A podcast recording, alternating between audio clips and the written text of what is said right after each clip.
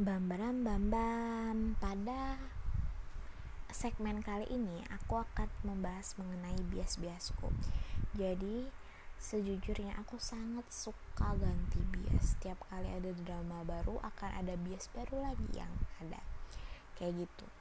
Nah untuk minggu ini aku tuh sangat amat bucin sama seorang cowok kelahiran 1985 yang sudah memiliki pacar yaitu Park Sung Hoon. Jadi awal mula aku melihat Park Sung Hoon ini karena dia itu main sama Nana di drama Into the Rings dan di press conference-nya drama Into the Rings chemistry mereka tuh sangat amat tumpah-tumpah luar biasa sekali sehingga membuat aku mikir siapa nih cowok? Gitu. Kok kak kok chemistry-nya bisa cocok banget sama Nana? Kok bisa tinggi banget? Soalnya Nana itu udah tinggi dan dia tuh pakai hak sementara Sung Hoon ini masih setinggi itu gitu. Jadi wow gitu. Jadi aku mikir kayak gitu. Terus habis itu akhirnya nonton satu episode nonton dua episode dan karakter dia ini sangat amat aku sukain banget sebagai Sogong Myo di drama itu.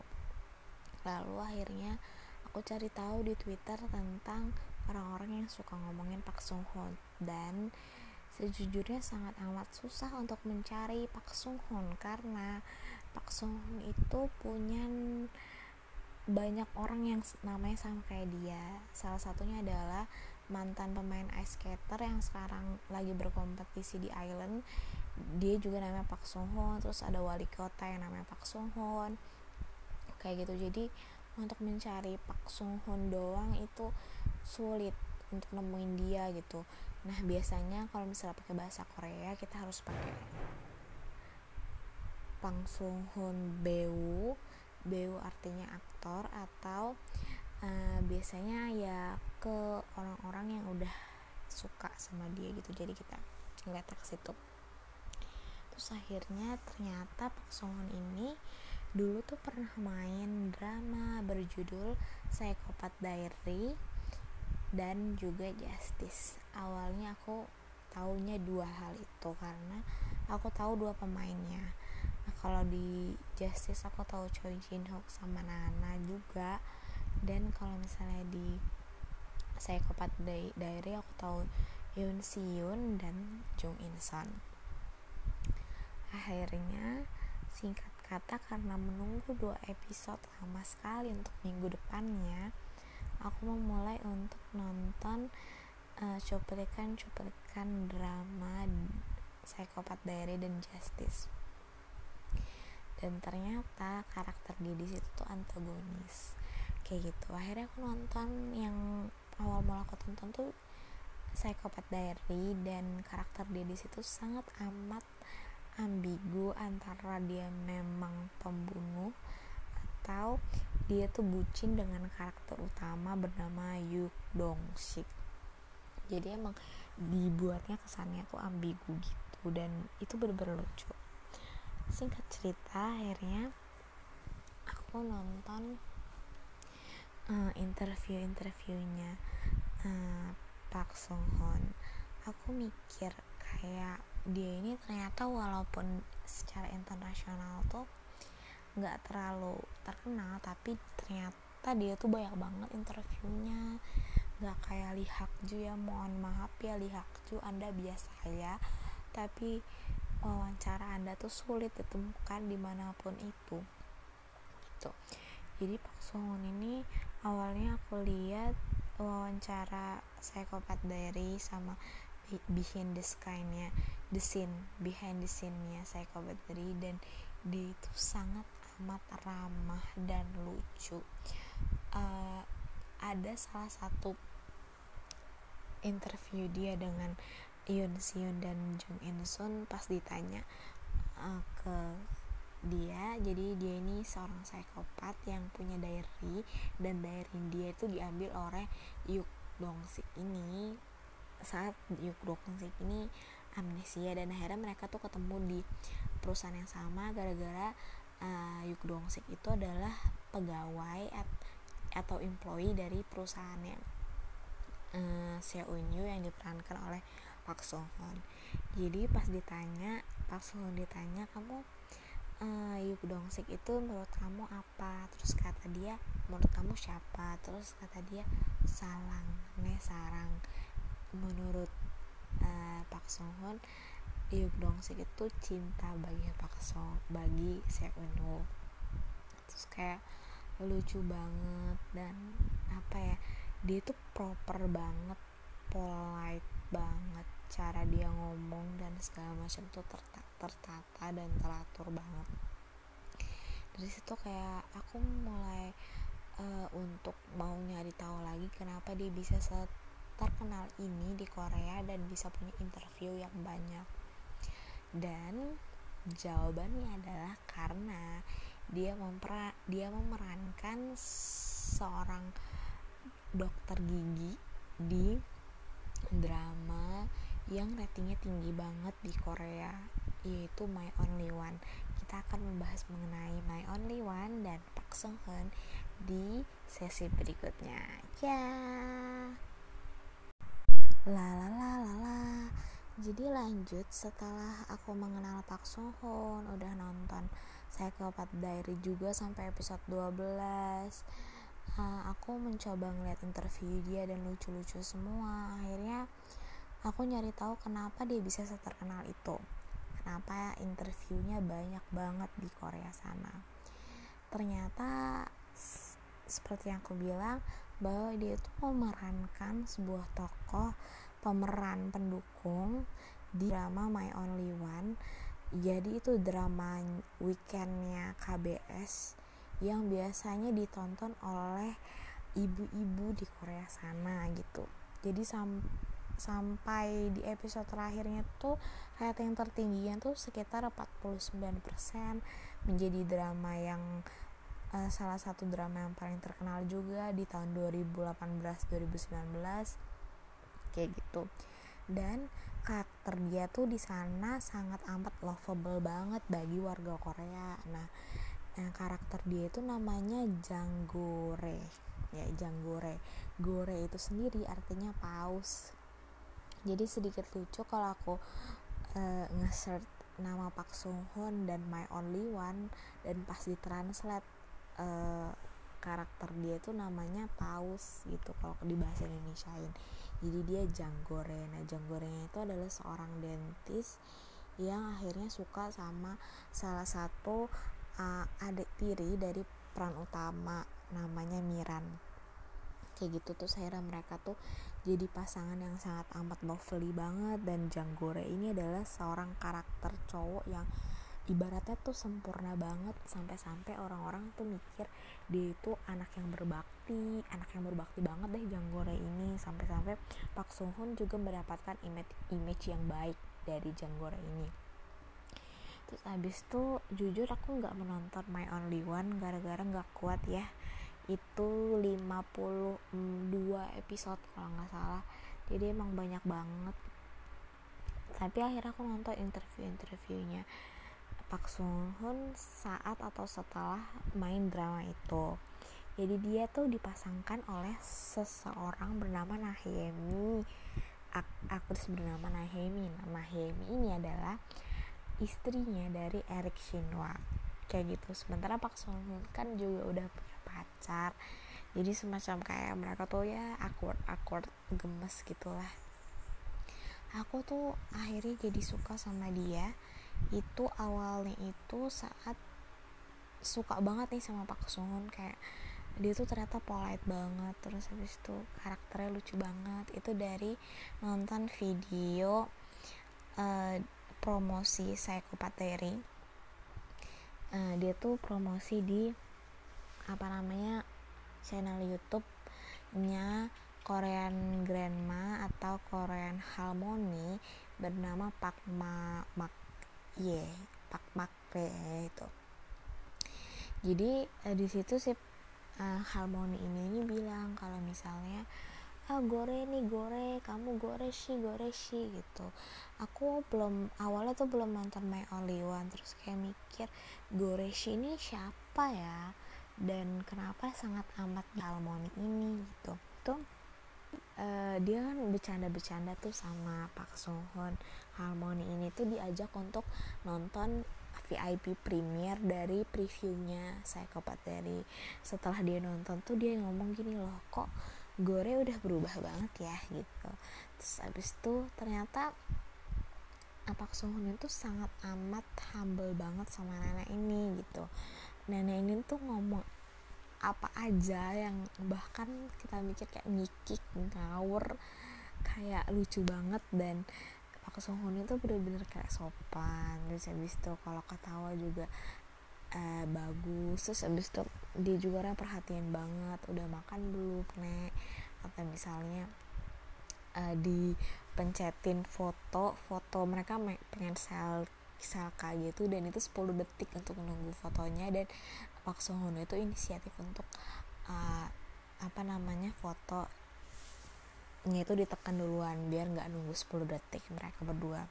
Kayak gitu terus saya aku penasaran don Gore ini siapa? Terus akhirnya aku nonton juga video Pak Male Harmony itu video sebelumnya di mana dia itu pergi ke lokasi syutingnya My Only One nah di lokasi syuting My Only One itu dia itu paling suka sama Gore dia paling suka sama Pak Sohun. Pokoknya ke mana-mana tuh dia tuh dia tuh pasti pengen fotonya sama Pak Sohon kayak gitu. Dan di antara seluruh cash my only one itu Pak Sohon tuh yang paling apa ya yang paling welcome banget sama yang namanya harmoni ini gitu dari mulai cara ngomongnya terus body, body language-nya yang kelihatan apa namanya ngerangkul harmoni ini enggak apa namanya enggak berusaha menjauh dan segala macam kayak gitu.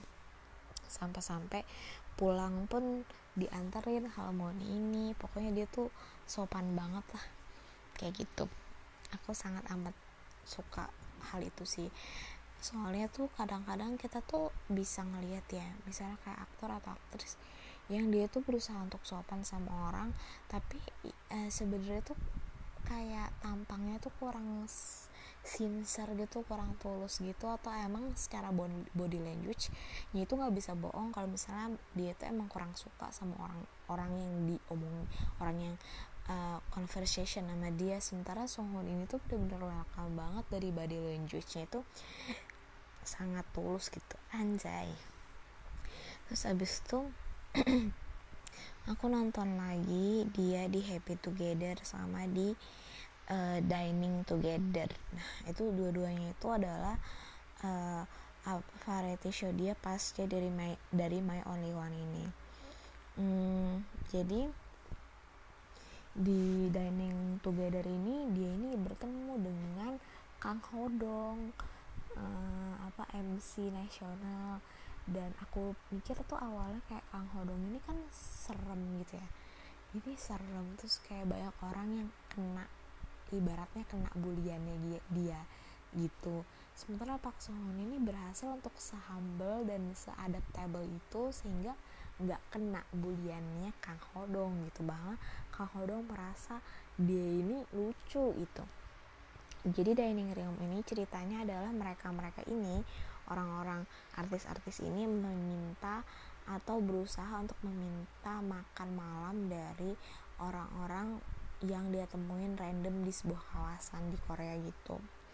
Nah, terus abis itu uh, akhirnya dia ber, mereka Kang Hodong sama Pak Sung itu bertemu dengan seorang analis keuangan gitulah. Uh, dan dia ini orangnya santai banget santai habis gitu. Terus habis itu gara-gara dramanya uh, Pak Sung ini namanya My Only One ditanyalah ke uh, apa namanya si uh, commoners ini kamu orang my only one siapa? Terus dia bilang ibunya terus kenapa? Oh gara-gara ayah ayah saya udah gini gini gini terus akhirnya uh, ditanya Kak Hodong nanya sama Pak Sung kena kamu gimana? Gitu. Dan ternyata tuh dia ngomong kalau misalnya orang tua orang tuanya itu masih lengkap tapi ayahnya tuh ayahnya tuh sakit dan segala macam. Terus kayak oh aku aku nggak bisa nonton itu gitu kayak karena itu bener-bener bener-bener sedih gitu. Habis itu dia juga ngomong di Happy Together kalau misalnya uh, ayahnya tuh akhirnya bisa nonton dia di My Only One gara-gara jam tayang My Only One tuh nggak malam banget kayak gitu. Terus yang lucunya sangat lucu dari Park Sung adalah IG-nya dia. Itu IG-nya dia tuh adalah salah satu hal yang paling lucu yang dia miliki sangat amat imut. Jadi IG-nya dia itu bernama Box Album. Box Album. Box Album itu artinya adalah ayahnya Box. Sementara pacarnya Park Sung Hoon itu nama IG-nya Box Umum atau ibunya box. Nah box ini adalah hewan peliharaan mereka anjing yang namanya tuh box. Jadi mereka tuh berdua tuh berbagi nama Instagram gitu. Lucu banget gak sih? Kayak selucu itu. Nah yang sangat lucu dan bagus lagi dari Pak Sung adalah dia itu pacarnya itu lebih tua 2 tahun dari dia. Lucu banget gak sih? Kayak pacarnya tuh 2 tahun lebih dia lebih tua. Lucu sih menurut aku. Kayak gitu. Hmm, dan akhirnya aku akhirnya membiaskan dia minggu ini. Aku sangat biasin dia. Sebelum minggu sebelumnya sebelumnya lagi beberapa bulan yang lalu sekitar sebulan yang lalu aku sangat amat menyukai lihat keju tiga bulan yang lalu awal-awal 2020 aku sangat amat menyukai Lee Jun Hyuk. Uh, terus abis itu akhirnya ada uh, biasku yang sudah lama sekali dari 9 tahun yang lalu Kim Soo Hyun datang. Akhirnya sekarang biasku uh, hari ini itu Pak Song Hoon gitu. Jadi begitulah aku sangat amat menyukai dia gara-gara selain ganteng sekali chemistry-nya dengan Nana mantap sekali. Juga orangnya polite dan kayaknya tuh dia terkesan banget orangnya well educated sih. Dari cara dia ngomong itu tuh bener-bener sangat hati-hati gitu. Bahkan Kang Hodong aja bilang kalau uh, Pak Hoon ini cara ngomongnya hati-hati banget nih humble gitu. Sampai uh, terus abis itu dia tuh uh, pokoknya mannersnya dia sampai sama kostar-kostar ceweknya itu juga dia hebat gitu. Maksud kayak nggak terlalu jaga jarak sampai awkward tapi juga jaga jarak menghormati kostar dia yang cewek termasuk Nana. Nanti kita akan membahas lagi mengenai chemistry dari Nana dan Pak Sohon di podcast yang lain ya dadah.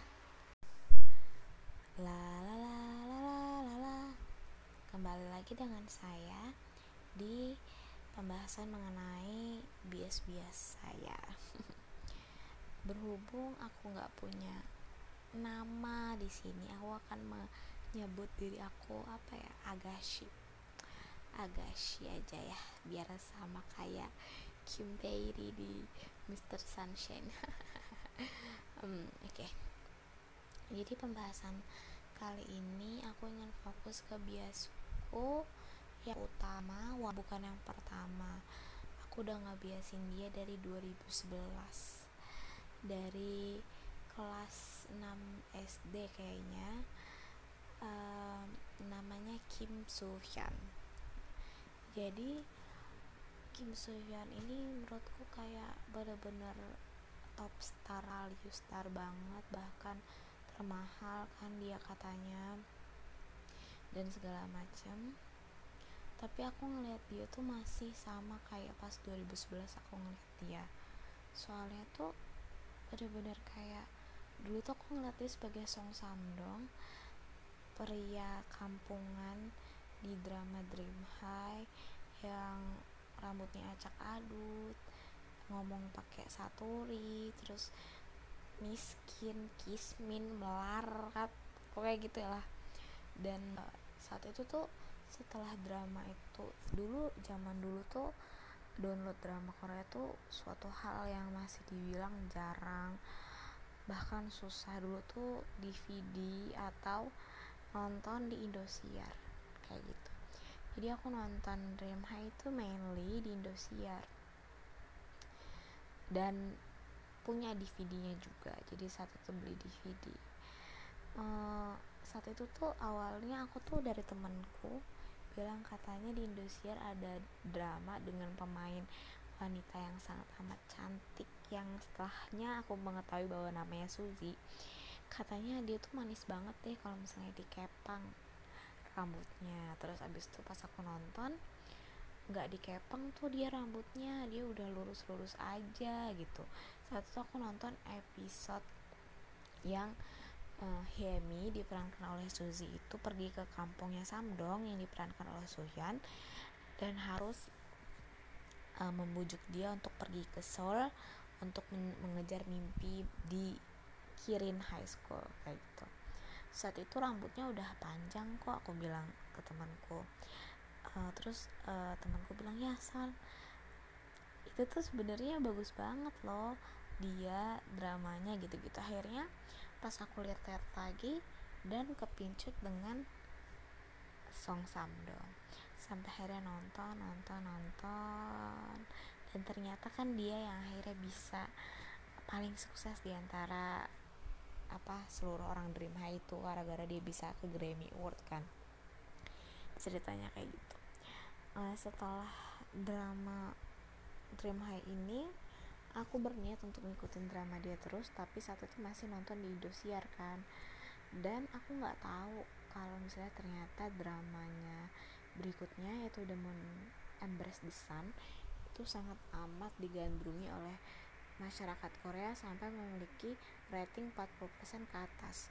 Saat itu aku nggak tahu tentang hal itu gara-gara berita tentang Korea tuh masih sangat amat jarang masa-masa kayak gitu uh, akhirnya aku nonton Demon Embrace the Sun itu saat itu tayang di Indosiar. Saat itu dan saat itu tayang aku kaget sekali bahwa aku semacam kayak gengsi untuk nonton bareng emak-emak nenek-nenek yang nak yang datang ke rumah nenek aku. Saat itu arisan terus nonton Kim So Hyun juga dan dia mereka semua suka juga sama Kim So Hyun. Tapi karena aku sangat gengsi untuk memiliki minat yang sama dengan mereka. Jadi aku nggak berniat untuk nonton itu di TV saat itu. Jadi akhirnya aku nonton lewat DVD juga terus beli posternya. Dulu masih zaman banget tuh yang namanya majalah gaul terus habis itu uh, non terus habis itu aku tempel di kamar Kim Soo Hyun, Han Ga In, Jung Il Woo saat itu. Terus habis itu udah aku nggak tahu bahwa itu sangat beken banget tapi acting Kim So Hyun saat itu sangat jauh berbeda dibanding Song Samdong aku awalnya mikir kayak dia bisa gak sih jadi raja? Soalnya emang Song Samdong ini sesoft itu gitu. Aku nggak bayangin kalau misalnya dia bisa menjadi raja yang sarkastis banget dan sangat amat kurang cinta kayak gitu. Dan saat episode 4 atau 5 setelah mas setelah Demon Embrace the Sun itu selesai mengenai masa remajanya muncul Kim So Hyun dan dia itu langsung saat itu marah-marah main golfnya Joseon terus marah-marah sama uh, menteri-menterinya dan segala macam dan itu tuh dapat banget peran actingnya. Sejujurnya aku nggak begitu nggak begitu suka dengan Demon Embrace the Sun walaupun dramanya bagus ceritanya juga lumayan bagus uh, soundtracknya bagus acting Kim So Hyun bagus banget di situ. Tapi aku tuh nggak bisa nggak begitu suka drama romance yang engage banget romance. Mungkin gara-gara satu umur aku juga masih SMP saat itu. Sampai sekarang dari SMP sampai sekarang aku nggak suka drama romance. Walaupun itu set romance kayak angst gitu kan kayak melodrama. Tapi tetap aku nggak suka. Walaupun itu emang bukan genre aku bukan genre aku walaupun itu sangat bagus gitu. Bahkan menang di Baeksang kan menang best aktor juga Kim So Hyun setelah drama itu muncullah drama yang sangat booming pada masanya itu Men from Another Star. Saat itu aku udah tahu gimana caranya streaming di internet aku udah tahu caranya streaming aku udah udah bisa streaming di drama cool atau segala macam lah itu. Akhirnya streaming dan mendapati Kim So Hyun sangat amat berbeda jauh berbeda dengan Demon Embracing the Sun dan juga di Dream High. Uh, dia jadi alien yang sangat amat cool kaya raya dan sebagainya. Hmm, lagi-lagi aku harus katakan bahwa aku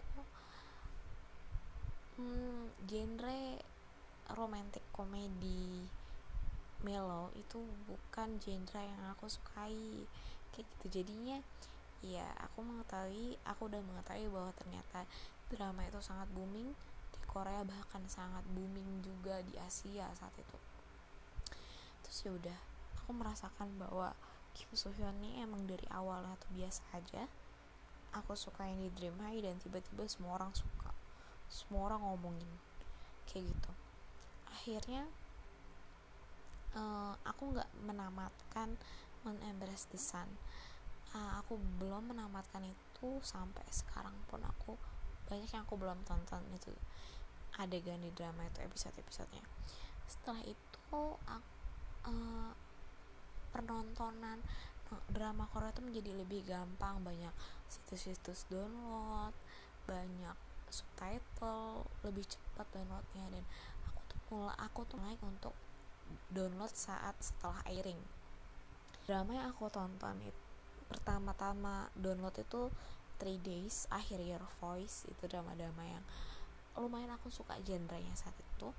Sampai akhirnya datanglah the producer di tahun 2015 jujur sekali lagi it's not my cup of tea after all this years gitu. It's not my cup of tea. Kim So Hyun di situ aktingnya bagus menampilkan hal yang bagus juga. Dan aku menonton semua episodenya karena gara-gara sekali lagi download jadi gampang. Dan emang aku pengen aja nonton dramanya Kim So Hyun kali ini. Dan itu kan cuma 12 episode jadi lumayan gampang lah. 5 tahun setelah itu. Tiba-tiba Kim So Hyun tuh gak main drama lagi wamil gak main drama lagi udah terjadi 5 tahun. Masa SMA aku tuh aku nggak nonton Kim So Hyun sama sekali. Masa SMA aku tuh bener-bener berlalu tanpa adanya Kim So Hyun dan akhirnya aku ah, gonta ganti bias gonta ganti bias. Ketemu Seventeen ketemu Lee Junki semuanya dan tanpa Kim So Hyun lagi dan akhirnya muncul Kim So Hyun lagi di tahun 2020 dengan dramanya yaitu It's Okay to Not Be kita akan lanjut di pembahasan berikutnya. Yay halo semua. Uh, kembali lagi dengan Sun dengan pembahasan biasku selanjutnya. Jadi seperti yang aku bilang dari awal bahwa aku tuh sering banget yang namanya ganti-ganti bias. Hampir setiap bulan. Dulu tuh setiap minggu tapi sekarang mungkin setiap bulan kali ya uh, nah sekarang bias baruku ini adalah seorang aktor kelahiran 1993 yang selama ini kebanyakan mainnya itu di Chungmuro atau film. Dan suatu hari uh, dia itu bermain di Love Alarm serial Netflix. Namanya adalah Junggaram. Ya Junggaram ini adalah aktor dari sub manajemen uh, agensi yang menaungi Gong Yu menaungi Jong Doyon uh, terus menaungi Johnsoni ada Jung Yumi juga dan banyak ada Bae Suji ada Choi Woo Sik ada banyak di situ ada Nam Joo Hyuk juga dan Junggaram ini salah satunya. Nah Junggaram ini kelahiran 23 Februari 1993 debut sekitar 2012-2013 dan akhirnya jadi aktor yang uh, aku kenal gara-gara Love Alarm. Jadi awal kenal Junggaram ini adalah saat aku tuh gabut banget. Lagi karantina lagi PSBB nih lagi covid kan. Dan nonton hal yang berat-berat tuh terlalu berat selama ini gitu. Akhirnya ya udah coba deh. Nonton drama ringan Korea tentang love love story yang ya bisa di bisa dibilang selingan untuk drama-drama berat yang udah nggak mau aku tonton lagi gara-gara terlalu berat gitu. Akhirnya masuklah di ya udah uh, serial Netflix gara-gara lagi langganan Netflix. Ya udah apa ya? Dan ternyata muncullah love alarm love alarmnya Kim So Hyun dan mumpung aku tuh sering banget yang nama yang namanya nonton drama Kim So Hyun dari mulai The Moon Embracing the Sun saat aku sebel banget sama dia jadi antagonis sampai akhir Your Voice Missing You School 2015 dan selanjutnya aku nonton terus sama drama dia dan akhirnya yaudah mikir ya kenapa enggak lanjutin aja gitu Love Alarm dulu tuh aku nonton Love Alarm episode 1 tapi gak begitu tertarik. Soalnya soalnya tuh saat itu uh, menurutku terlalu cringe, cringe dan aku emang gak suka romance dari dulu banget dari aku umur 12 tahun. Umur 14 tahun aku sangat tidak amat suka romance. Pokoknya romance tuh aku bener-bener cancel gitu. Gitu. Nah saat itu aku mencoba untuk nonton episode 1 gara-gara di Twitter tuh banyak banget orang ngomongin dan ternyata sejujurnya tidak banget sih dramanya sorry. Episode satunya tuh uh, bisa dibilang terlalu cringe uh, dan ada tiba-tiba ada sosok yang memukau nih ternyata. Yang membuat aku tuh stay terus di episode 1 uh, eh, di tahun 2020 ini. Yaitu karakter bernama Lee Hye Young dia yang diperankan oleh Jung Garam. Dia menjadi anak baik-baik dari ibu seorang pembantu yang kerjanya tuh manut-manut aja yang cinta diam-diam dengan Kim So Hyun yang memerankan Kim Joo Joo saat itu terus akhirnya uh, tertarik banget nih sama aktingnya Jung Garam sebagai Lee Hye Young kenapa kok dia bisa acting lumayan sebagus ini gitu? Uh, akhirnya ngeliat dia di Wikipedia dan ternyata dia tuh lebih banyak main film dibanding main drama. Jujur aku jarang banget ketemu aktor rookies yang uh, lebih banyak berani main film dibanding main drama. Soalnya film sama drama itu beda bobotnya menurut aku. Karena film itu kita harus nonton dengan bayar bayar bioskop ya kan? Sementara uh, drama tuh enggak jadi bobotnya tuh emang beda tanggung jawabnya emang lebih besar di film menurutku.